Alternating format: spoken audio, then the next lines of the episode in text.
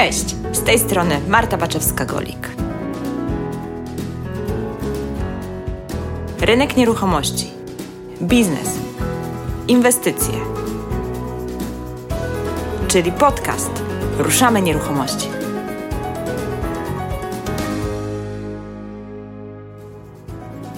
Dzisiejszy odcinek jest dość nietypowy. Za nami 129 odcinków, w których rozmawiałam z wieloma przedstawicielami branży nieruchomości. Mieliście okazję wysłuchać ich historii, metod zarabiania i funkcjonowania na rynku nieruchomości.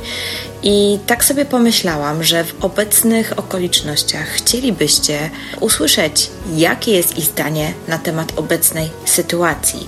Jakie mają rokowania na przyszłość, e, co się według nich zaraz wydarzy w bliższej lub dalszej przyszłości oraz zadałam im również pytanie, jak sobie oni radzą w obecnym czasie w swoich własnych biznesach, swoich przedsięwzięciach i inwestycjach. Alicja Flicińska, z którą miałam przyjemność rozmawiać w 78 odcinku podcastu, myślę, że dość trafnie opisała obecną sytuację. Alicja jest inwestorką oraz właścicielką biura nieruchomości w Poznaniu. Inwestuje w kamienice oraz w mieszkania na rynku wtórnym.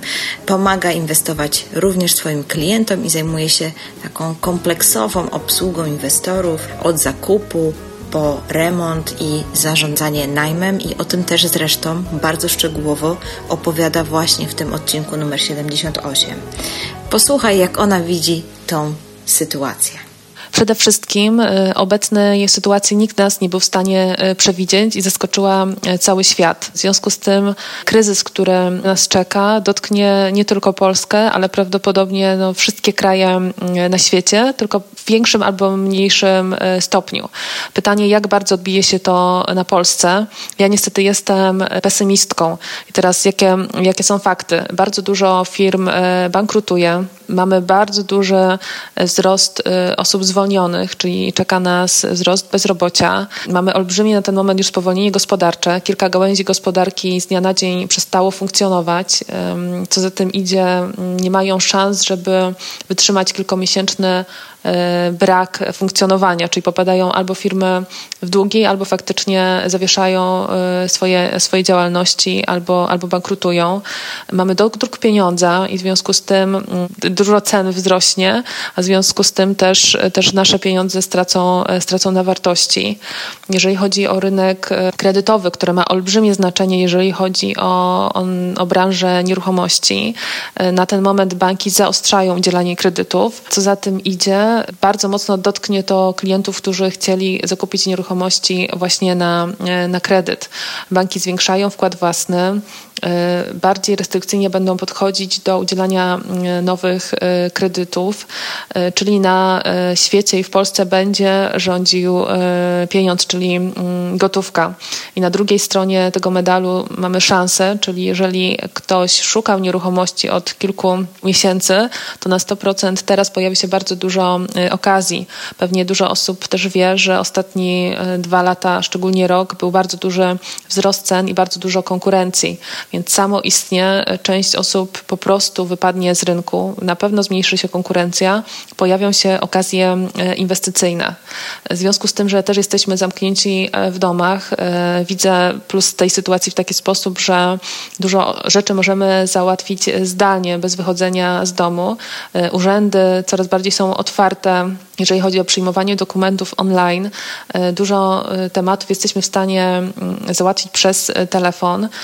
Na pewno spłynie to też, jeżeli chodzi o automatyzację wielu firm, bo mm, firmy muszą sobie, sobie radzić z, mniejszej, z mniejszą ilością pracowników i na pewno też będzie większy dostęp do specjalistów. Jeżeli ktoś też będzie tracił pracę, to na, pre, na pewno też ceny, ceny za pracę się zmniejszą, to znaczy jest to plus dla przedsiębiorców, którzy zatrudniają osoby. Myślę, że będzie teraz rynek pracodawcy, a nie rynek pracownika. Zapytałam również o zdanie Grzegorza Karajewskiego, gościa odcinka numer 125, e, w którym to opowiadał, jak zarządzać najmem na pokoje. Grzegorz wraz ze swoim wspólnikiem w ramach spółki Freedom Development zajmuje się przygotowaniem i zarządzaniem mieszkań na wynajem e, właśnie na pokoje. Niewątpliwie zgadzam się z Grzegorzem, że każda sytuacja na rynku niesie za sobą zarówno szanse, jak i zagrożenia. I cała ta sytuacja gospodarcza z pewnością wpłynie na pojawienie się różnego rodzaju okazji na rynku. Wynikać to będzie przede wszystkim z trudnych sytuacji, w jakich mogą się znaleźć e, zarówno te osoby, które być może dokonały niezbyt trafnych wyborów na, na swoje inwestycje i przez co znalazły się dzisiaj w trudnej sytuacji, w której najzwyczajniej w świecie nie będą w stanie obsługiwać swoich zobowiązań kredytowych. E, ale myślę, że również i te osoby, które po prostu będą musiały spieniężyć część swoich aktywów, by ratować swoje przedsiębiorstwa. Sytuacja, w której obecnie się znaleźliśmy, jest całkowicie bez precedensu, zatem trudno obecny kryzys porównywać się do jakiegokolwiek wcześniejszego z przyszłości.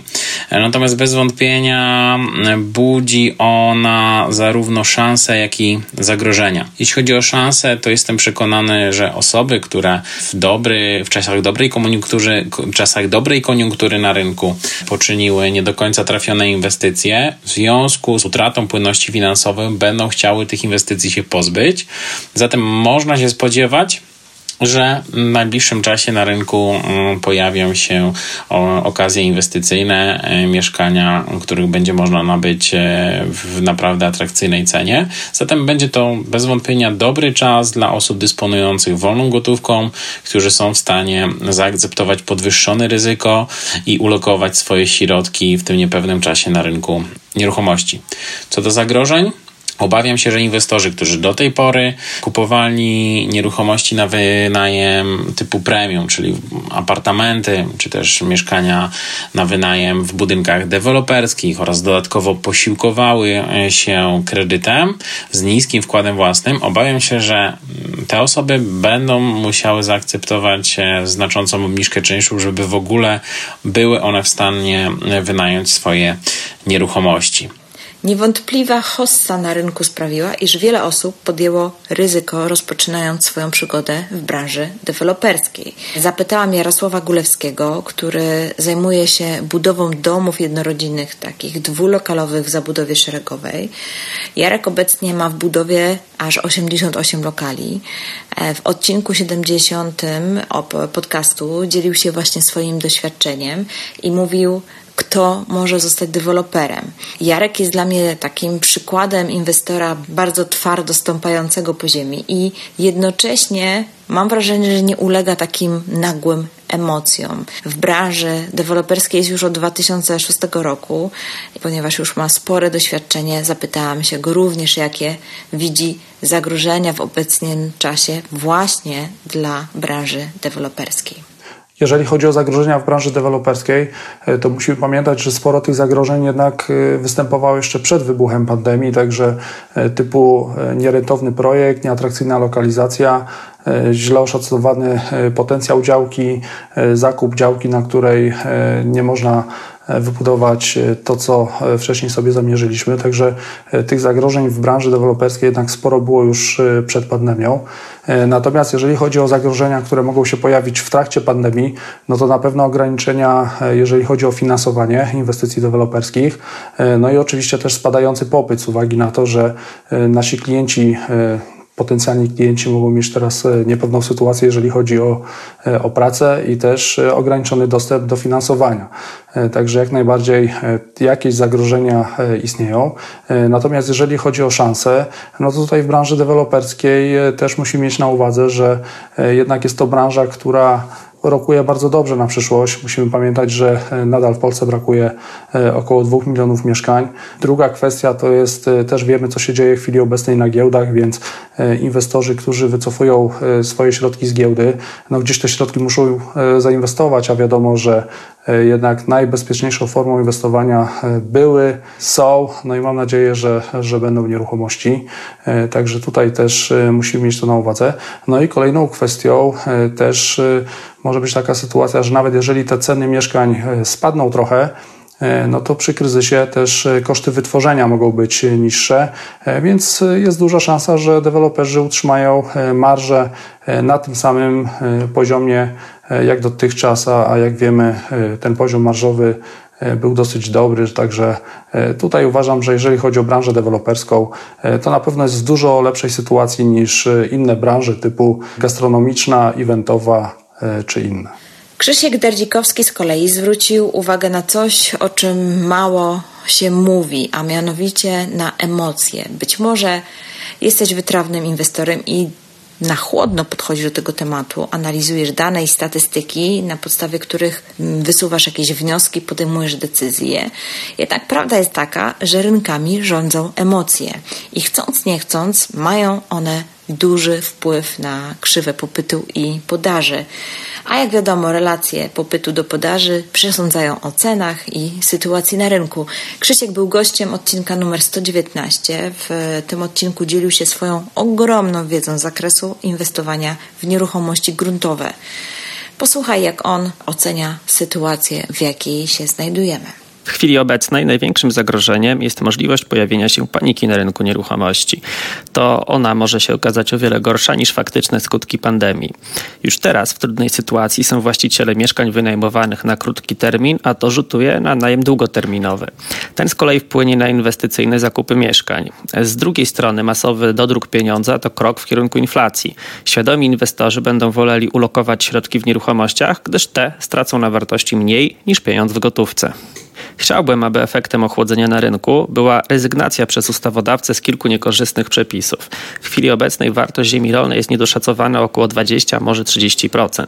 Odblokowanie odbrotu ziemią pozwoliłoby bardzo dużej części społeczeństwa podnieść się po kryzysie, a dla inwestorów byłaby to bezpieczna przystań do lokowania kapitału.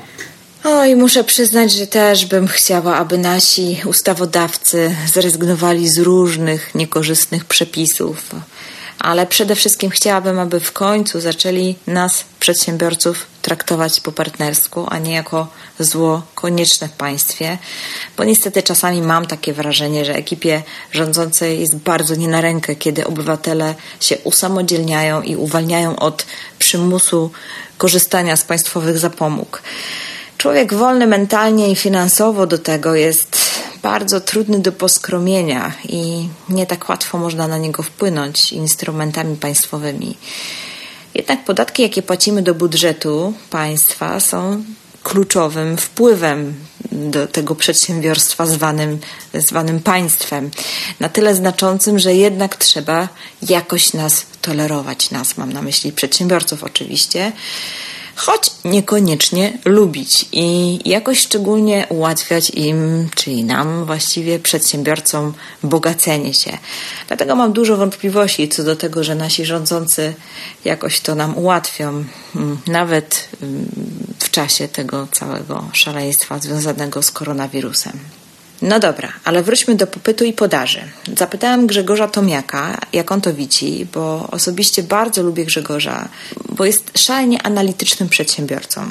Jest prezesem jednej z największych firm produkujących w Polsce gaśnice przeciwpożarowe. Miałam przyjemność być w jego fabryce, gdzie te gaśnice powstają. Naprawdę robi wrażenie. Oprócz tego Grzegorz wraz ze swoją małżonką zajął się właśnie takim profesjonalnym handlem nieruchomościami, e, no, na którym my tutaj wszyscy inwestorzy potocznie mówimy flipowanie. Grzegorz kupuje na rynku wtórnym i pierwotnym mieszkania, remontuje, wykańcza i sprzedaje jako takie gotowe lokale do zamieszkania. Bardzo lubię z Grzegorzem rozmawiać na tematy biznesowe. Jego spostrzeżenia są zawsze bardzo takie wyważone i poparte dobrą analizą sytuacji. Grzegorz też e, regularnie podsyła mi bardzo wartościowe materiały, takie analityczne, jeżeli chodzi o rynek gospodarczy e, i bardzo sobie to cenię podcaście Ruszamy Nieruchomości miałam przyjemność z nim rozmawiać dwa razy w odcinku numer 63 i 86, w których to dzielił się swoim doświadczeniem w zakresie flipowania. Posłuchać, co według Grzegorza będzie wpływać na popyt i podaż na rynku nieruchomości. Na pewno będą wpływy hamujące, bardzo znaczące tutaj w tym wymiarze takim rynkowym. Co będzie tym czynnikiem hamującym? Mniejsza zamożność społeczeństwa, czyli mniejsza skłonność do zakupu mieszkań na własne potrzeby. Czyli z całą pewnością wielu młodych ludzi, którzy marzyło o własnym mieszkaniu, w sytuacji, kiedy nie są pewni swojej pracy, nie są pewni podstawowych, mm, e, że tak powiem, e, podstawowego bezpieczeństwa gospodarczego, mogą odkładać zakup mieszkania na później, na czas, kiedy będzie sytuacja bardziej unormowana. Z drugiej strony, z całą pewnością będzie mniejsza dostępność kredytów bankowych E, gdyż banki już teraz zaoszczają reguły przyznawania kredytów e, hipotecznych. Może być tak, że znacznie mniejsza grupa osób będzie mogła w ogóle ubiegać się o kredyt, bo znacznie mniejsza grupa osób będzie miała odpowiednią zdolność kredytową.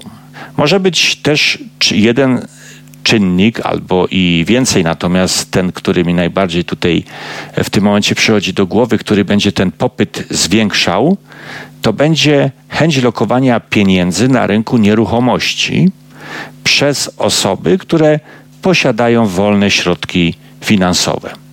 Będzie to następowało e, prawdopodobnie wobec niepewnych innych instrumentów lokowania kapitału, jak na przykład giełda. Osoby posiadające wolną gotówkę no, nie będą jej chciały trzymać na koncie bankowym, dlatego że e, okresie inflacji będą one traciły szczególnie na wartości i mogą lokować właśnie w mieszkania, e, w nieruchomości, czyli w coś, co można by tak kolokwialnie powiedzieć, będzie zawsze i będzie zawsze nośnikiem wartości. W dłuższej perspektywie czasowej ta wartość zawsze będzie nie do podważenia. Wszystko to e, spowoduje moim zdaniem spadek popytu przez najbliższe e, miesiące. A jak będzie wyglądała druga strona medalu, a mianowicie podaż mieszkań? Czy tych mieszkań będzie więcej, mniej? Tutaj też widzę kilka czynników hamujących podaż mieszkań na rynku.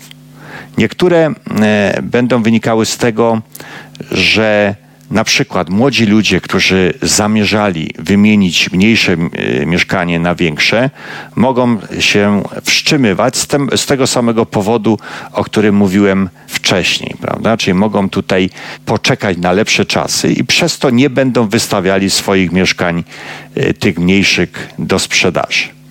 Deweloperzy mogą spowolnić budowy z powodów odnik niezależnych, problemy z materiałami budowlanymi, problemy z pracownikami.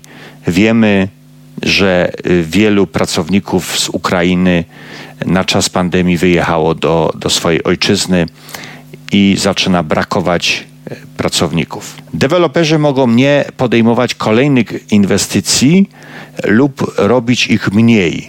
W erze takiej niepewności no jest mniejsza skłonność inwestowania e, w nowe inwestycje budowlane, jeżeli nie znamy przyszłości, e, a zwłaszcza jeżeli ta przyszłość jest tak bardzo niedookreślona jak teraz. Myślę, że może też być mniej inwestorów, mniej fliperów również przygotowujących mieszkania dla klientów.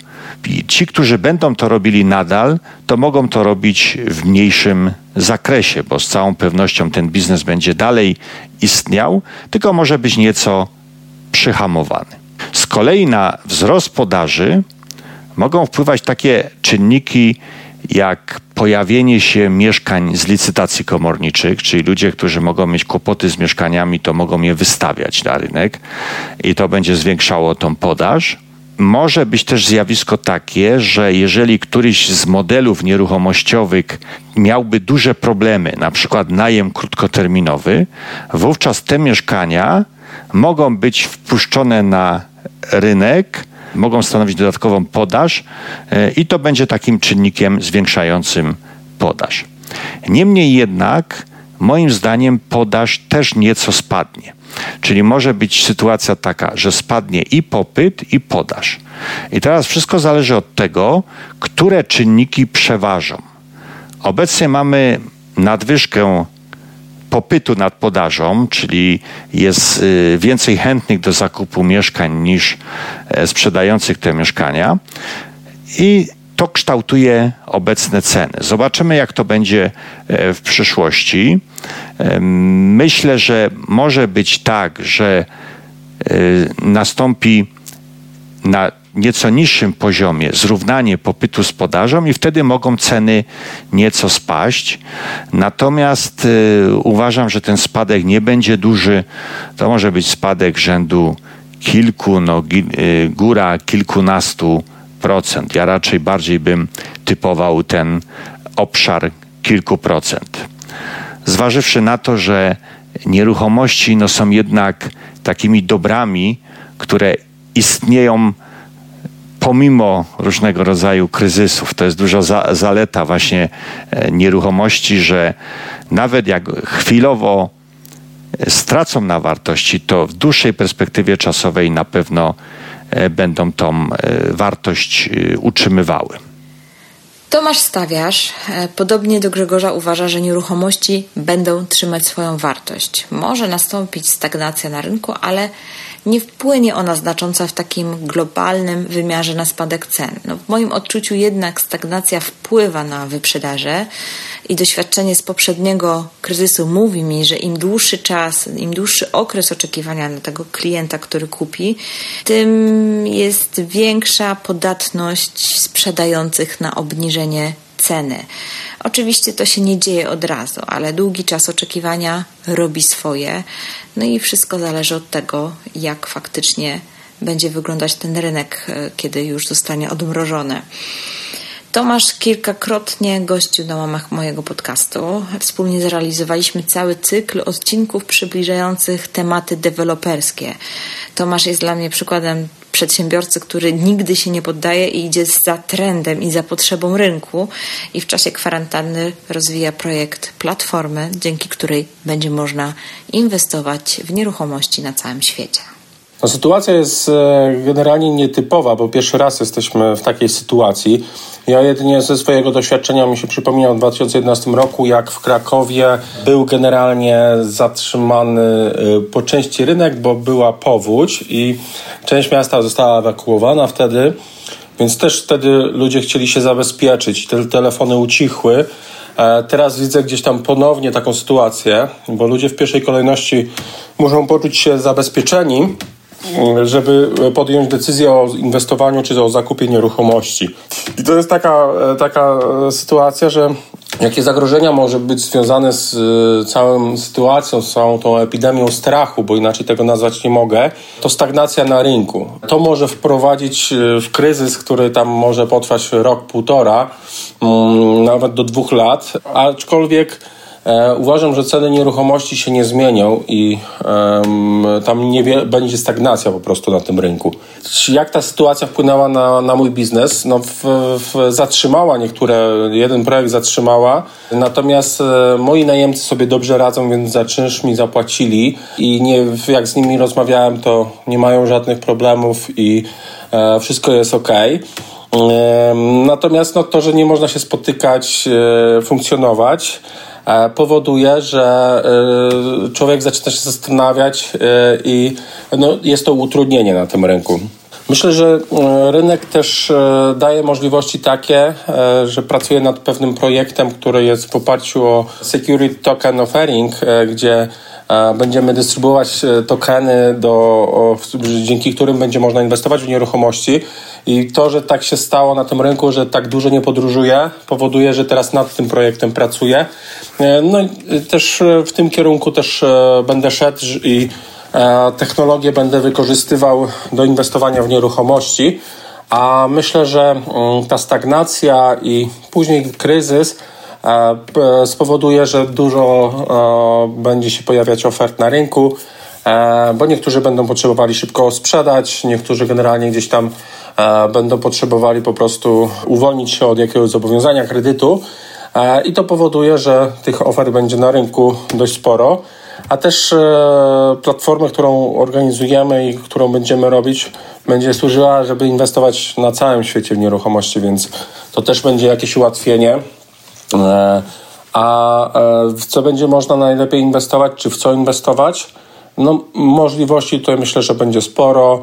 E, ostatnio jeden z właścicieli obniżył nam cenę o 30%, e, więc już gdzieś tam e, go przypyliło dość mocno i obniżona została cena o 30%.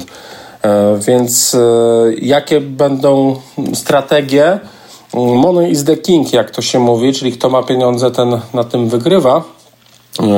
I e, może skorzystać z tych różnych okazji, które e, będą.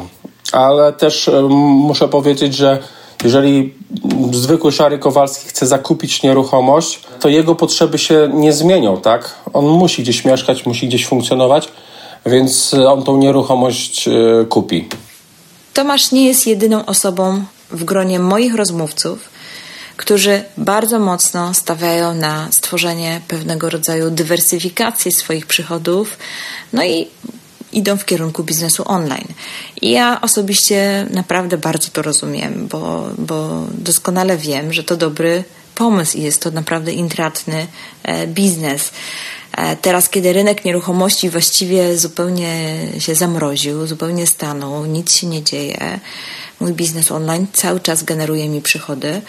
A dlatego y, zdecydowanie, zdecydowanie rozumiem ten ruch. Cechą, w ogóle taką cechą nas, przedsiębiorców, jest, y, jest takie bycie cały czas y, czujnym i takim uważnym na to, co się dzieje na rynku.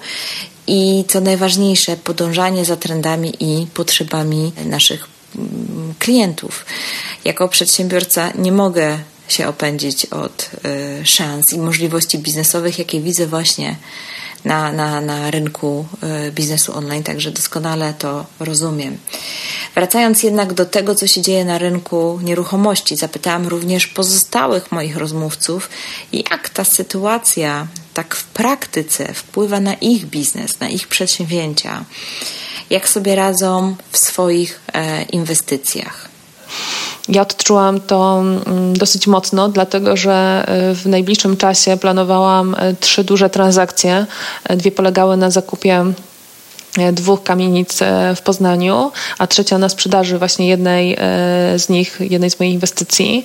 I teraz, jeżeli chodzi o zakupy, to w jednej sytuacji ja się wstrzymałam z podjęciem decyzji, bo cena, którą ja wynegocjowałam, może się nie okazać dobra, jeżeli chodzi o dalszą sprzedaż. Jeżeli będziemy mieli bardzo głęboki kryzys, to, to może być ta cena za wysoka i w związku z tym muszę przeczekać tą sytuację i, i zobaczyć, jak to wpłynie na ceny żeby po prostu nie popełnić teraz błędu. Jeżeli chodzi o taką większą nieruchomość, jest, y, muszę bardzo racjonalnie podejść do tego, y, tego tematu.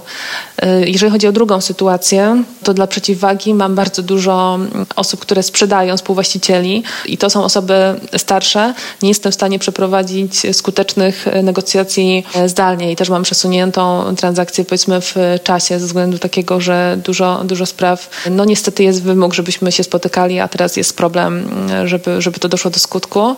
A trzecia transakcja, większa z mojej strony, to, to była sprzedaż dla osoby, która prowadzi firmę transportową. Niestety y, branża jest dosyć na ten moment niepewna i klient postanowił przeczekać najgorszy okres, czyli najbliższe miesiące, zobaczyć jak, jak to się potoczy i wszystkie swoje oszczędności po prostu wstrzymuje i nie chce ich w żaden sposób inwestować, żeby przede wszystkim chronić e, własną e, firmę. Poza tym też wydłużały się bardzo mocno mm, kwestie formalne, które musimy, jesteśmy w trakcie pozwoleń, uzyskiwania, jeżeli chodzi o pozwolenie y, na budowę, więc urzędy działają, ale w bardzo okrojonym składzie i na pewno to wpłynie na, mm, na całą naszą dokumentację, którą musimy skompletować. Wszystkie nasze transakcje rozciągną się y, w czasie. Jak ja sobie z tym radzę? Ja przede wszystkim skupiam się na zapewnianiu firmie płynności finansowej, podchodzę bardzo racjonalnie do wydatków i do nowych e, inwestycji. Nie chcę podejmować żadnych panicznych e, e, ruchów i skupiam się przede wszystkim na dwóch rzeczach. Czyli poszukujemy i cały czas dostarczamy klientom okazji inwestycyjnych, czyli okazji, które będzie coraz, coraz więcej, czyli obsługujemy bardzo mocno klientów inwestycyjnych. A druga rzecz, poświęcam swój czas na rozwój biznesu online, na który wcześniej nie miałam tyle czasu co teraz? E, zaangażowałam się bardzo mocno w prowadzenie, e, w prowadzenie klubu, robienie mm, nagrań, wywiadów i w związku z tym staram się mm, mocno pracować nad, nad drugą nogą swojego biznesu. Jeżeli chodzi o moje inwestycje, no to ta sytuacja w bardzo małym stopniu wpłynęła ogólnie ale tak jak mówię, jest to na chwilę obecną, bo nie wiem jak długo pandemia potrwa i, i co się może zmienić. E, jedną e, ze swoich budów na 16 mieszkań e, skończyłem jeszcze w zeszłym miesiącu, więc zrobiliśmy odbiory budynku i teraz jesteśmy na etapie przeniesienia własności w formie aktu notarialnego, więc ta inwestycja jest bezpieczna. Na 16 mieszkań 15 jest sprzedanych. Kolejna inwestycja to jest budowa mikroapartamentów. Tam prowadzimy instalację, pracę wewnątrz budynku, instalację tynki. E, finansowanie jest tam załatwione, więc e, raczej nie planuję żadnych zmian, jeżeli chodzi o tamtą inwestycję. E, I kolejna budowa to jest budowa zespołu budynków jednorodzinnych dwulokalowych w sumie na 46 mieszkań, to jest na dwa pozwolenia na budowę. I tutaj akurat mam taką sytuację, że planuję teraz wybudować jedną czwartą z inwestycji. Już mam 8 mieszkań w stanie surowym wybudowanych. Zamawiam już tam okna i instalacje. No i właśnie zanim skończę te, te 8, to minie akurat te 2-3 miesiące i będę wiedział, co się na rynku dzieje i, i, oczywiście dalej będę działał. E, oczywiście nie każdy sobie może na coś takiego pozwolić. Ja akurat buduję systemem gospodarczym, więc e, strategię miałem wcześniej przemyślaną, e, jak to zrobić, żeby ewentualnie w takiej sytuacji kryzysowej móc jakoś z tego wyjść. Także deweloperzy, którzy mają podpisane kontrakty z generalnymi wykonawcami albo też z firmami innymi, ale na tych wyższych, że tak powiem, stawkach, które obowiązywały przed pandemią, no to to e, mogą mieć po prostu e, problem z uzyskaniem planowanej e, marży. Jeżeli chodzi o moje inwestycje, to ja tutaj na chwilę obecną nic się za wiele nie zmieniło. Co do zagrożeń, to będę w stanie to dopiero ocenić no, za jakiś czas. Zobaczymy, jak ta sytuacja potrwa. Praca z nieruchomościami gruntowymi w moim przypadku prawie wcale się nie zmieniła. Od dawna wolałem kontakty telefoniczne i mailowe z urzędami, a działki weryfikuję najczęściej nie ruszając się z biura. Wycieczka w teren też nie jest problemem i nie generuje większego ryzyka. Przecież na działce na pewno będzie mniej ciasno niż w zatłoczonych centrach miast. Zakładam, że duża część fliperów czy właścicieli mieszkań wynajmowanych na krótki termin nie odnajdzie się w nowej rzeczywistości. E, co ciekawe, moi znajomi radzą sobie nieźle. Skoro są moimi znajomymi, to pewnie interesowali się też nieruchomościami gruntowymi lub domami, a najlepszą strategią na kryzys jest właśnie dywersyfikacja. Jeśli któraś z części rynku ma się gorzej, to pozostałe zawsze zapewnią wpływy mogące pokryć bieżące koszty. Grunty nie generują stałych obciążeń, za nie nie płaci się czynszów. E, mam również nadzieję, że ludzie e, wypuszczeni z mieszkań po ustaniu zagrożenia epidemiologicznego jeszcze chętniej będą patrzeć w kierunku podmiejskich działek. Jestem dobrej myśli, bo wiem, że będę miał co robić. W naszym przypadku mogę powiedzieć, że robimy swoje, ale w nieco mniejszym zakresie. Na ten moment sprzedaliśmy mimo trudności trzy nasze mieszkania. Były maseczki, były rękawiczki, pojawił się na szczęście notariusz, no i oczywiście byli klienci. Zatem można powiedzieć, że daliśmy radę, chociaż była to sytuacja e, nieco dla nas um, taka nowa, że w sytuacji, kiedy mieliśmy trzy mieszkania, trzy mieszkania e, wystawiliśmy do sprzedaży, w tym momencie zaczął się powoli kształtować ten taki stan niepewności, ale jak mówię, daliśmy radę, sprzedaliśmy te mieszkania z zadowalającym skutkiem. Na maj mamy zaplanowany zakup dwóch kolejnych mieszkań w Katowicach, no i działamy dalej. Niemniej jednak trzeba też powiedzieć, że zrezygnowaliśmy z dwóch innych inwestycji, gdyż uznaliśmy, że ważniejsza dla nas obecnie jest płynność i bezpieczeństwo biznesu.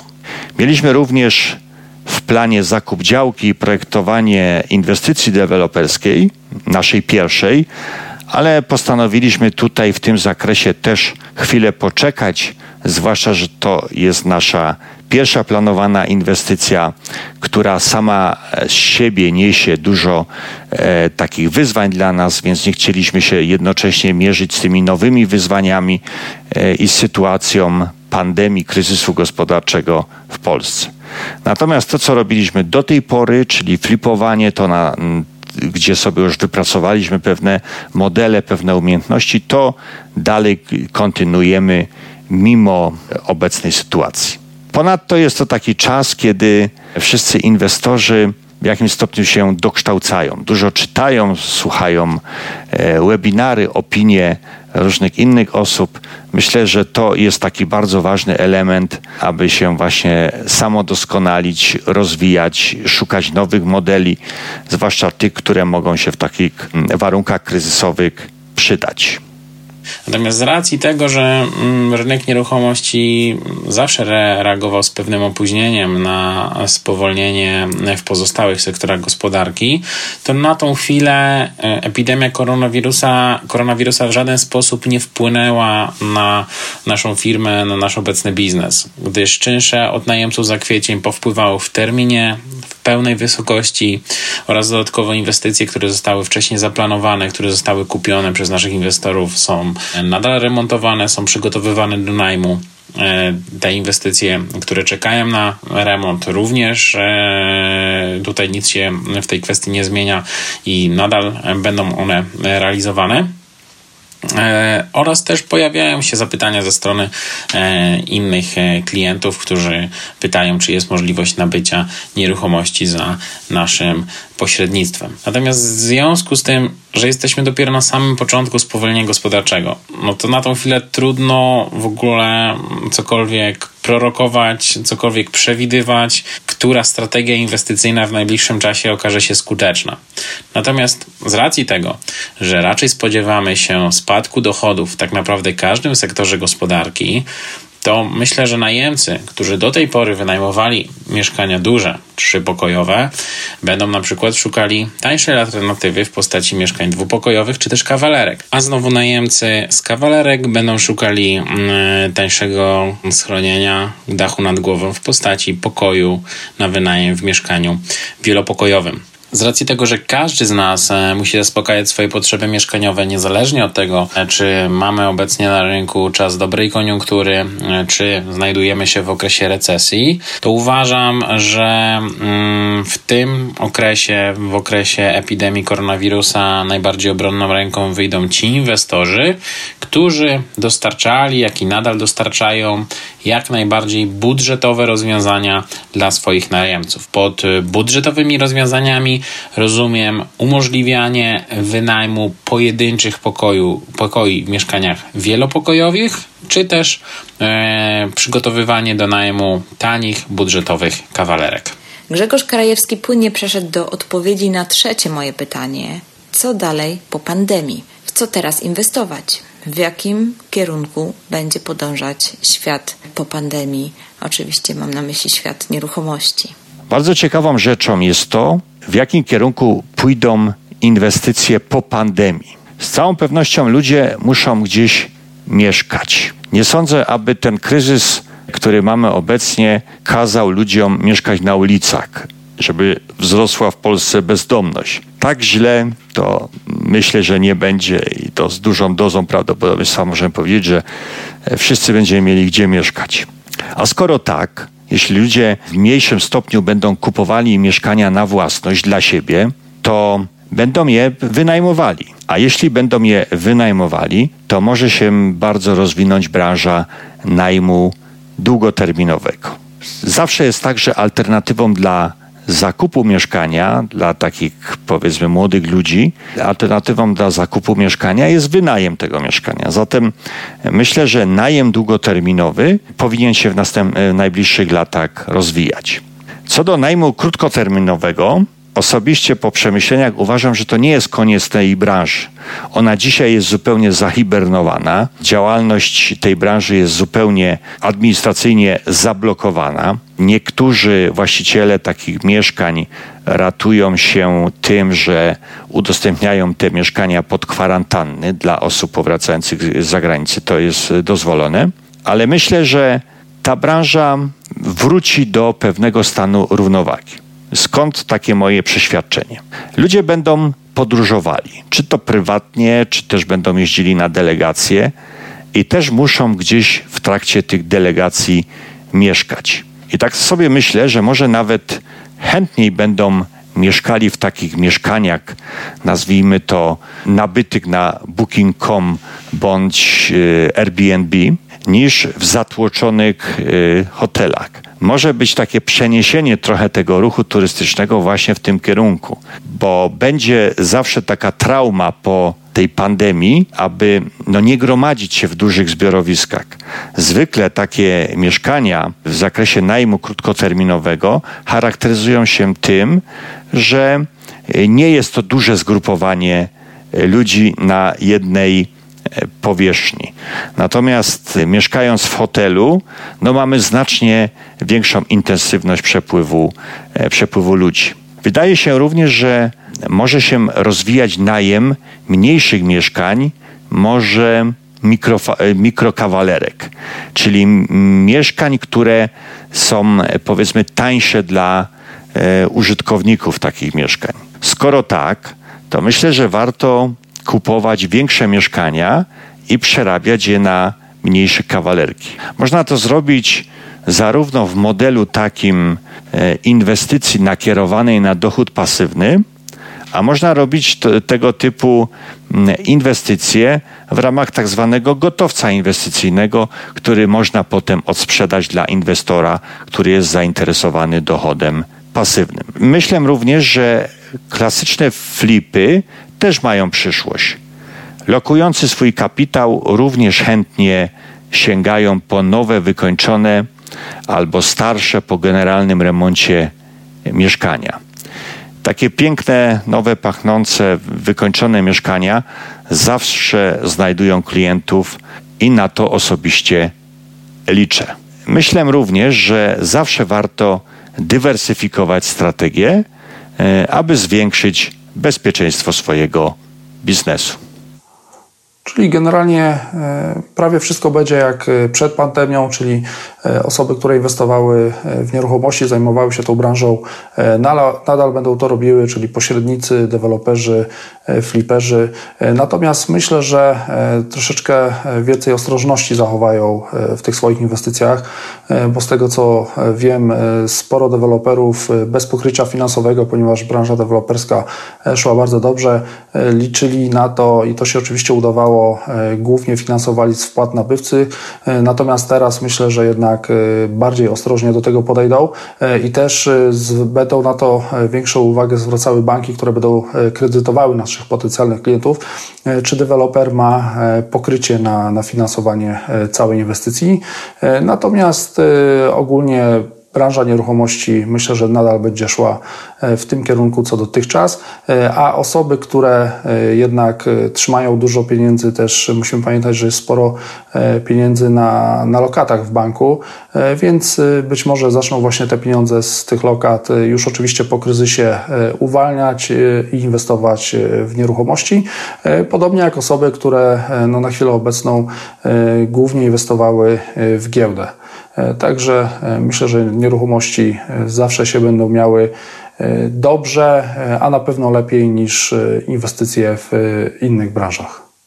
Przede wszystkim teraz będzie bardzo dobry rynek dla klientów, którzy szybko podejmują decyzje i są klientami gotówkowymi. Teraz jest szansa na pozyskanie mieszkań w dobrych cenach.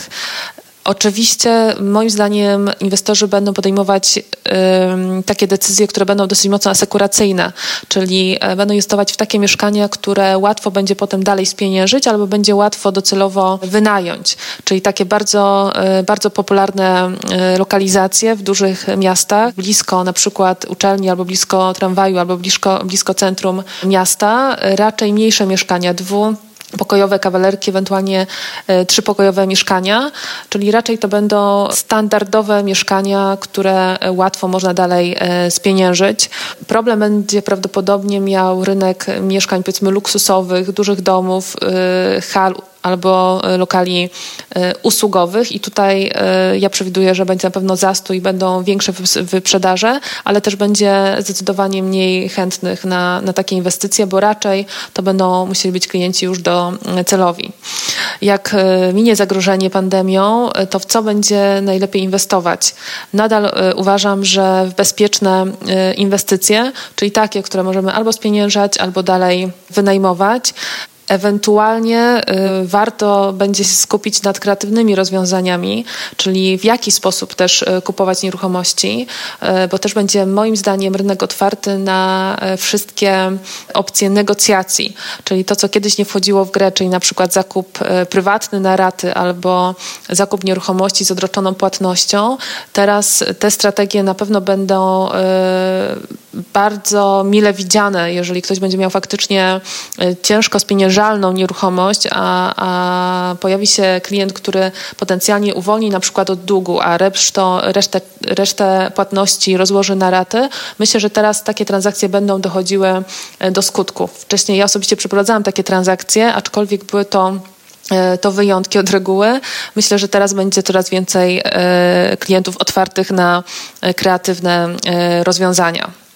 Bardzo dziękuję za, e, za wypowiedź i życzę wszystkim e, zdrowia i udanych inwestycji. Pamiętam, kiedy jakieś 2,5 lata e, temu nagrałyśmy razem z Martą Smith nasz pierwszy kurs. To był taki kurs dla osób, które chcą rozpocząć swoją przygodę z inwestowaniem. Kurs nazywa się Pani Nowościach i w tym kursie uczymy, jak badać rynek, jak właśnie odnaleźć się w cyklu koniunkturalnym e, oraz jaką strategię inwestycyjną wybrać do rynku, zarówno lokalnego, ale również do, do tego, w jakim momencie rynek jest, czy jest na górce, czy jest w dołku. Zamieściłyśmy tam cały jeden duży moduł na temat alternatywnych sposobów finansowania projektów inwestycyjnych i są tam różne kreatywne rozwiązania, mm, o których wspomniała Alicja. I pamiętam taki, taki moment, w którym nasi kursanci, no osoby, które zdecydowały się przejść z nami tą, tą drogę edukacji, e, zadawali nam pytania, bo robimy regularnie raz w miesiącu sesję pytań odpowiedzi dla wszystkich naszych kursantów, więc ma, mają okazję regularnie nam zadać te pytania. I oni zadawali nam pytania, no ale jak mam się z kimś dogadać? Jak za mną stoi kolejka chętnych na zakup y, tej nieruchomości. No i generalnie mm, sprzedający nie mają żadnego problemu ze zbyciem tej nieruchomości. A ja tak sobie słuchałam tych pytań i, i tak trochę się uśmiechałam, bo dobrze pamiętam czasy, kiedy to mieszkania sprzedawały się od kilku miesięcy do kilkunastu e, i, i uspokajałam ich, mówiąc: OK, dzisiaj może tak jest, jak mówisz, kolejka stoi, ale pamiętaj, że rynek się zmienia, rynek jest sinusoidą i przyjdzie taki czas, kiedy z tej Twojej skrzynki narzędziowej, różnych narzędzi inwestycyjnych i strategii, jakie, jakie tam po prostu skolekcjonujesz, wyciągniesz tą strategię i zrobisz właśnie taki naprawdę mega dobry deal w oparciu o tego typu kreatywne rozwiązania i, i współpracę z właścicielem, czy e, dogadywanie się z nim. No i tak sobie myślę, że chyba e, muszę tu przyznać rację Alicji, że wygląda na to, że faktycznie ten czas, kiedy właściciele będą dużo bardziej otwarci na różnego rodzaju takie kreatywne rozwiązania, zbliża się do nas dużymi krokami. Myślę sobie, że generalnie osoby, które teraz zaczynają inwestowanie, są w takim naprawdę dobrym momencie. Bo prawda jest taka, że jak jeszcze nie masz dużego portfolia, nic jeszcze nie zdążyłeś e, zbudować, no to też nie masz za wiele do stracenia. Myślę, że w dużo większym takim Problemem mogą być osoby, które, które mają na przykład bardzo duże portfolio i na przykład w tej chwili połowa najemców nie jest w stanie im płacić e, czynszów. A jeżeli dopiero masz zamiar zacząć inwestować, to jesteś naprawdę w dobrym miejscu. I tak naprawdę, jeżeli miałabym się tu wypowiedzieć, coś doradzić, to jeżeli jesteś faktycznie taką osobą początkującą, to jeżeli, o ile tylko wyposażysz się w odpowiednią wiedzę, czy też w mentoring kogoś z dużym doświadczeniem, to możesz tylko zyskać. E, Grzegorz Tomiak w swojej wypowiedzi wspomniał, że teraz jest taki idealny moment na zdobywanie wiedzy, słuchanie osób z doświadczeniem i dokształcanie się. I ja się z tym absolutnie zgadzam. Po prostu podpisuję się obiema rękami i zachęcam Ciebie również do nauki, do śledzenia rynku, analizowania i wyciągania własnych wniosków. To jest naprawdę szalenie ważne, by w tym wszystkim nie poddać się opinii tysiącom ludzi. E, trzeba się po prostu nauczyć e, badać e, własny rynek lokalny i na podstawie tej wiedzy wdrażać takie strategie, które, które będą idealne właśnie na Twoim rynku. I tak sobie myślę, że jeżeli jesteś na początku tej swojej drogi, to, to polecam Ci ten wspomniany już kurs Pani na Włościach i razem z Martą poprowadziłyśmy prawie czterogodzinne szkolenie na temat właśnie tej sytuacji kryzysowej e, związanej właśnie z koronawirusem i z całym tym zamrożeniem gospodarczym. E, zrobiłyśmy tam naprawdę bardzo dogłębną analizę mm, różnych danych, które, które powyciągałyśmy, e, zarówno analizę tego całego wirusa, jak on się będzie mm, rozwijał i, i jakie fale mm, będą nadchodzić, jak to może wpłynąć na, na rynek.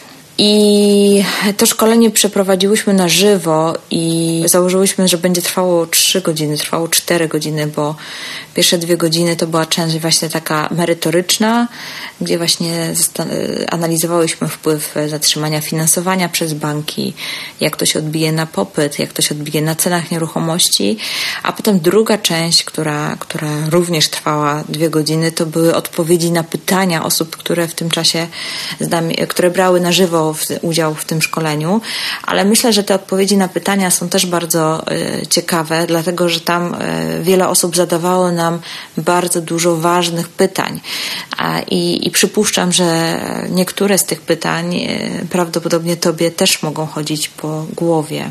Szkolenie poprowadziłyśmy wspólnie z Martą, tak jak wspomniałam. I oczywiście tak sobie nie byłabym sobą, gdyby dla, gdybym dla moich słuchaczy podcastowych nie miała jakiejś specjalnej oferty obu szkoleń i, i szybko zorganizowałam taki pakiet, bo komplet właśnie kursu Pani na Włościach, który uczy takiego, takich podstaw, jak się zachować na, na rynku nieruchomości, plus to uzupełnienie, taki jakby komentarz szeroki bardzo do tej obecnej sytuacji na rynku.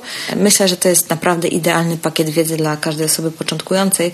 Także jeżeli myślisz o rozpoczęciu albo byś na takim etapie, że, że gdzieś tam już rynek nieruchomości Cię interesował, ale no teraz zastanawiasz się co dalej, bo, bo jest jak jest, to gorąco Cię zapraszam, żebyś wszedł lub weszła na stronę kobiec,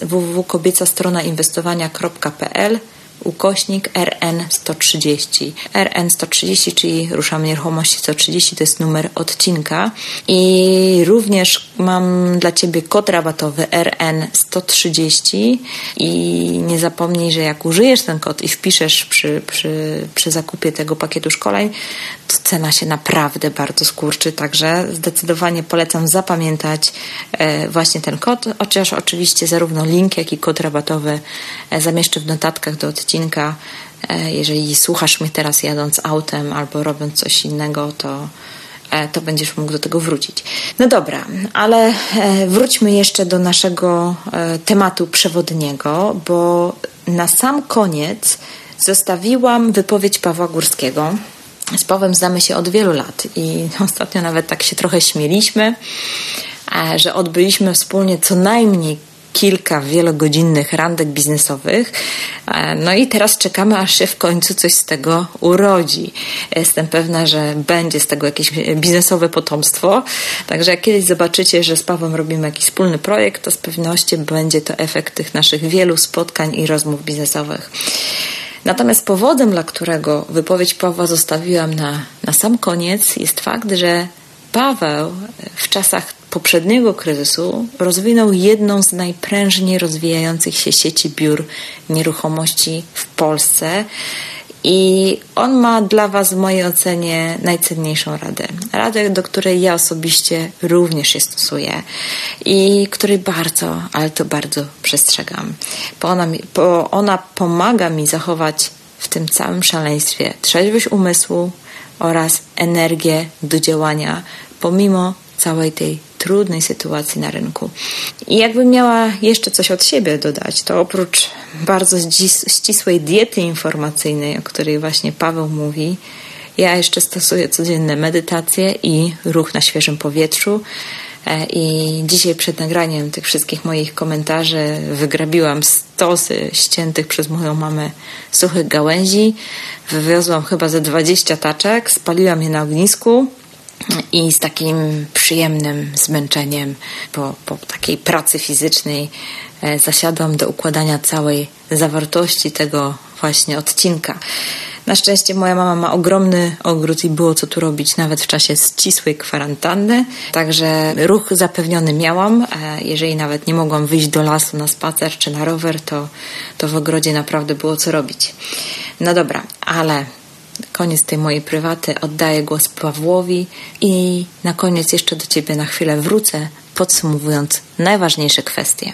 No po pierwsze, oczywiście ta sytuacja dotknęła wszystkich i, i również w jakimś zakresie mnie. Mianowicie mm, gdzieś tam początkiem marca wycofał mi się inwestor, z którym mieliśmy nabywać działkę pod 32 szeregówki i, i też nie udało mi się już potem znaleźć nikogo chętnego. Po prostu całe to zamieszanie spowodowało, że inwestorzy się poblokowali.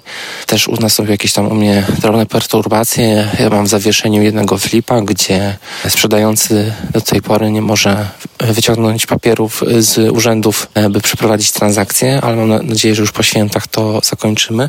Także, także są jakieś e, oczywiście rzeczy, natomiast powiem w ten sposób. Ja tutaj byłem e, może trochę z przypadku przygotowany na kryzys, bo jako deweloper muszę myśleć w perspektywie e, roku, jeżeli chodzi o zabezpieczenie jakichś tam moich finansów, po prostu do końca e, kolejnej inwestycji. I tak, tak się przygotowałem, więc jakby to, to mnie jakby uchroniło, że w takiej perspektywie w ogóle prowadzę inwestycje. Co do tej całej sytuacji i, i, rynku nieruchomości, no powiem tak, że ja też po, w pierwszym etapie tam jakby tutaj u mnie, no, bo sprzedaję domy, ta sprzedaż jakby stanęła, stanęły telefony, ale gdzieś po półtora tygodnia mieliśmy osiem prezentacji, sprzedaliśmy dwa domy i ja obserwuję większe zainteresowanie domami w miejscu, w którym buduję, e, tam to jest około o 10 km od centrum Gdyni, niż, e, niż przed e, wybuchem epidemii. I wydaje mi się, że taki trend, który gdzieś tam idzie, że ludzie, no wszyscy z nas będą na pewno cenić bardziej przestrzeń, będą cenić ten kawałek swojego ogródka, będą cenić to, że mają gdzieś możliwość w domu zorganizowania sobie mini biura. I moim zdaniem, no to, co powinno dobrze funkcjonować w ogóle po uspokojeniu tej całej sytuacji, jak i może w trakcie.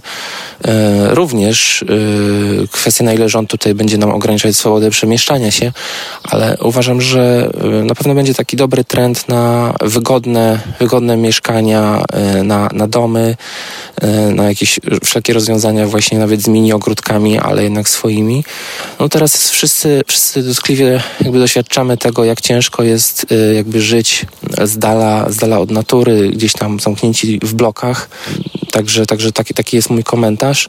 I w takim zakresie, w którym ja się zajmuję rynkiem, w sumie chciałbym się wypowiedzieć. Co do reszty, e, w którą się tak aż nie obserwuję, nie chciałbym jakby tutaj tego robić. Co, co więcej, ja powiem tak, zaczynałem biznes w nieruchomościach, kiedy poprzedni kryzys jakby tutaj e, nastąpił. I powiem tak, że udało mi się w tym okresie w czterech lat zbudować e, ogólnopolską sieć biur nieruchomości. E, I taką moją metodą na tamten czas to było w ogóle ograniczenie, taka po prostu dieta informacyjna. Przestałem słuchać wiadomości, informacji, robiłem swoje.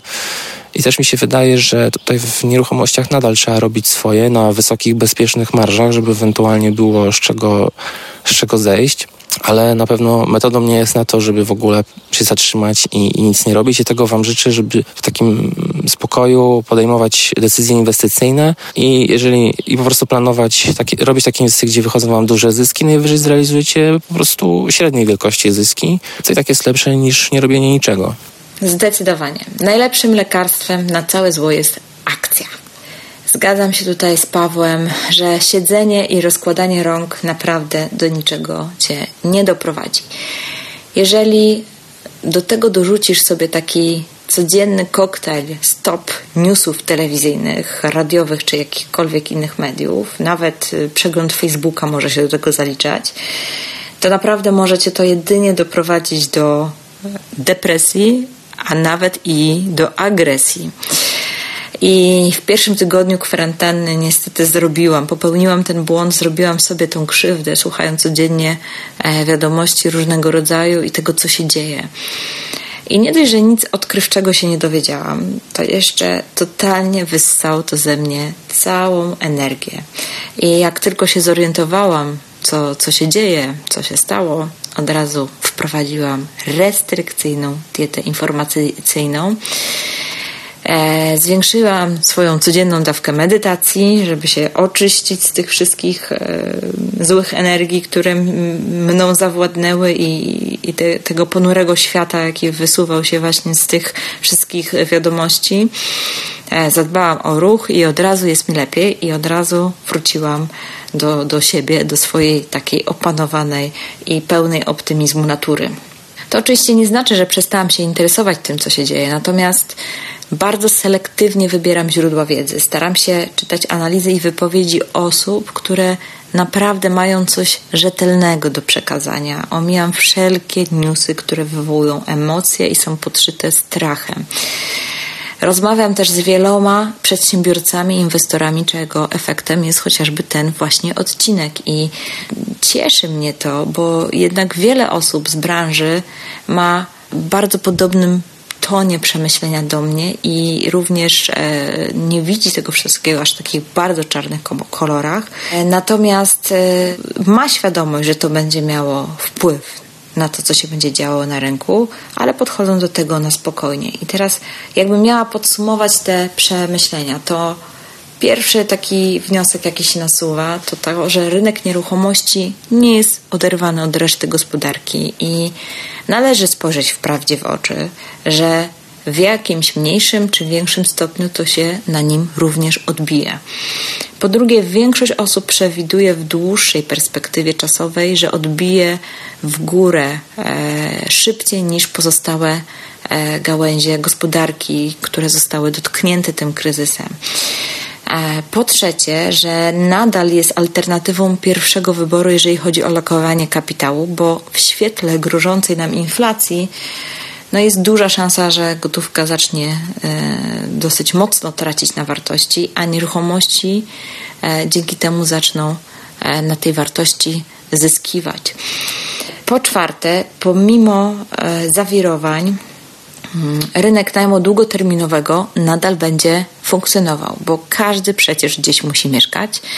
Nadal te budżetowe mieszkania na wynajem będą dobrą strategią inwestycyjną. Po piąte, wielu inwestorów twierdzi, że po zamknięciu nas e, w mieszkaniach ludzie zatęsknią za domami. Więc rynek domów i gruntów e, może być teraz dobrym wyborem i powiem szczerze, że ostatnio rozmawiałam z kimś z Oto Domu i oni tak jakby to potwierdzają zdecydowanie większy ruch na domach i działkach w tej chwili na serwisach ogłoszeniowych. Po szóste, to już taki mój komentarz. Dla tych wszystkich, co nie inwestują, powiem tak: jak nie teraz, to kiedy chcesz zacząć? Teraz jest naprawdę idealny czas, by zdobyć wiedzę i za chwilę wyjść na rynek i rozglądać się za dobrą okazją. Na koniec e, jeszcze raz przypominam, że mamy pakiet szkoleń, które poprowadziłam wraz z Martą Smith. Znajdziesz je na stronie www.kobiecastrona.inwestowania.pl ukośnik RN130 i pamiętaj, że z kodem rabatowym RN130 cena pakietu bardzo, ale to bardzo się skurczy, także warto, warto ten kod zapamiętać. I już na taki ostatni koniec obiecuję. Chciałabym tylko podziękować bardzo, ale to bardzo podziękować wszystkim moim rozmówcom za to, że udostępnili mi swoje wypowiedzi. Jestem z nich bardzo dumna, bo nagrali je samodzielnie.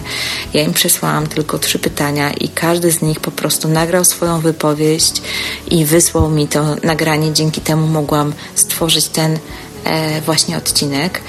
Mam nadzieję, że głosy gości, których słuchaliście wcześniej w podcastach, którzy opowiadali o branży nieruchomości i o tym, co można w niej zrobić i zdziałać, dodadzą Wam takiej otuchy i odwagi do tego, by bez paniki i strachu dokończyć swoje inwestycje, e, realizować e, plany, jeżeli, jeżeli planowałeś wejść na rynek nieruchomości. I zachęcą wręcz do, do, do jeszcze chwili cierpliwości, ale do rozpoczęcia poszukiwań naprawdę dobrych okazji. A mi nie pozostaje nic innego jak życzyć Wam wszystkim powodzenia, trzymam za Was kciuki. Dajcie znać pod tym odcinkiem, jak Wam idą Wasze inwestycje, jakie są Wasze przemyślenia. Myślę, że to jest fajny, fajny moment, żeby tą dyskusję rozpocząć. A tymczasem żegnam się z Wami. Do usłyszenia niebawem.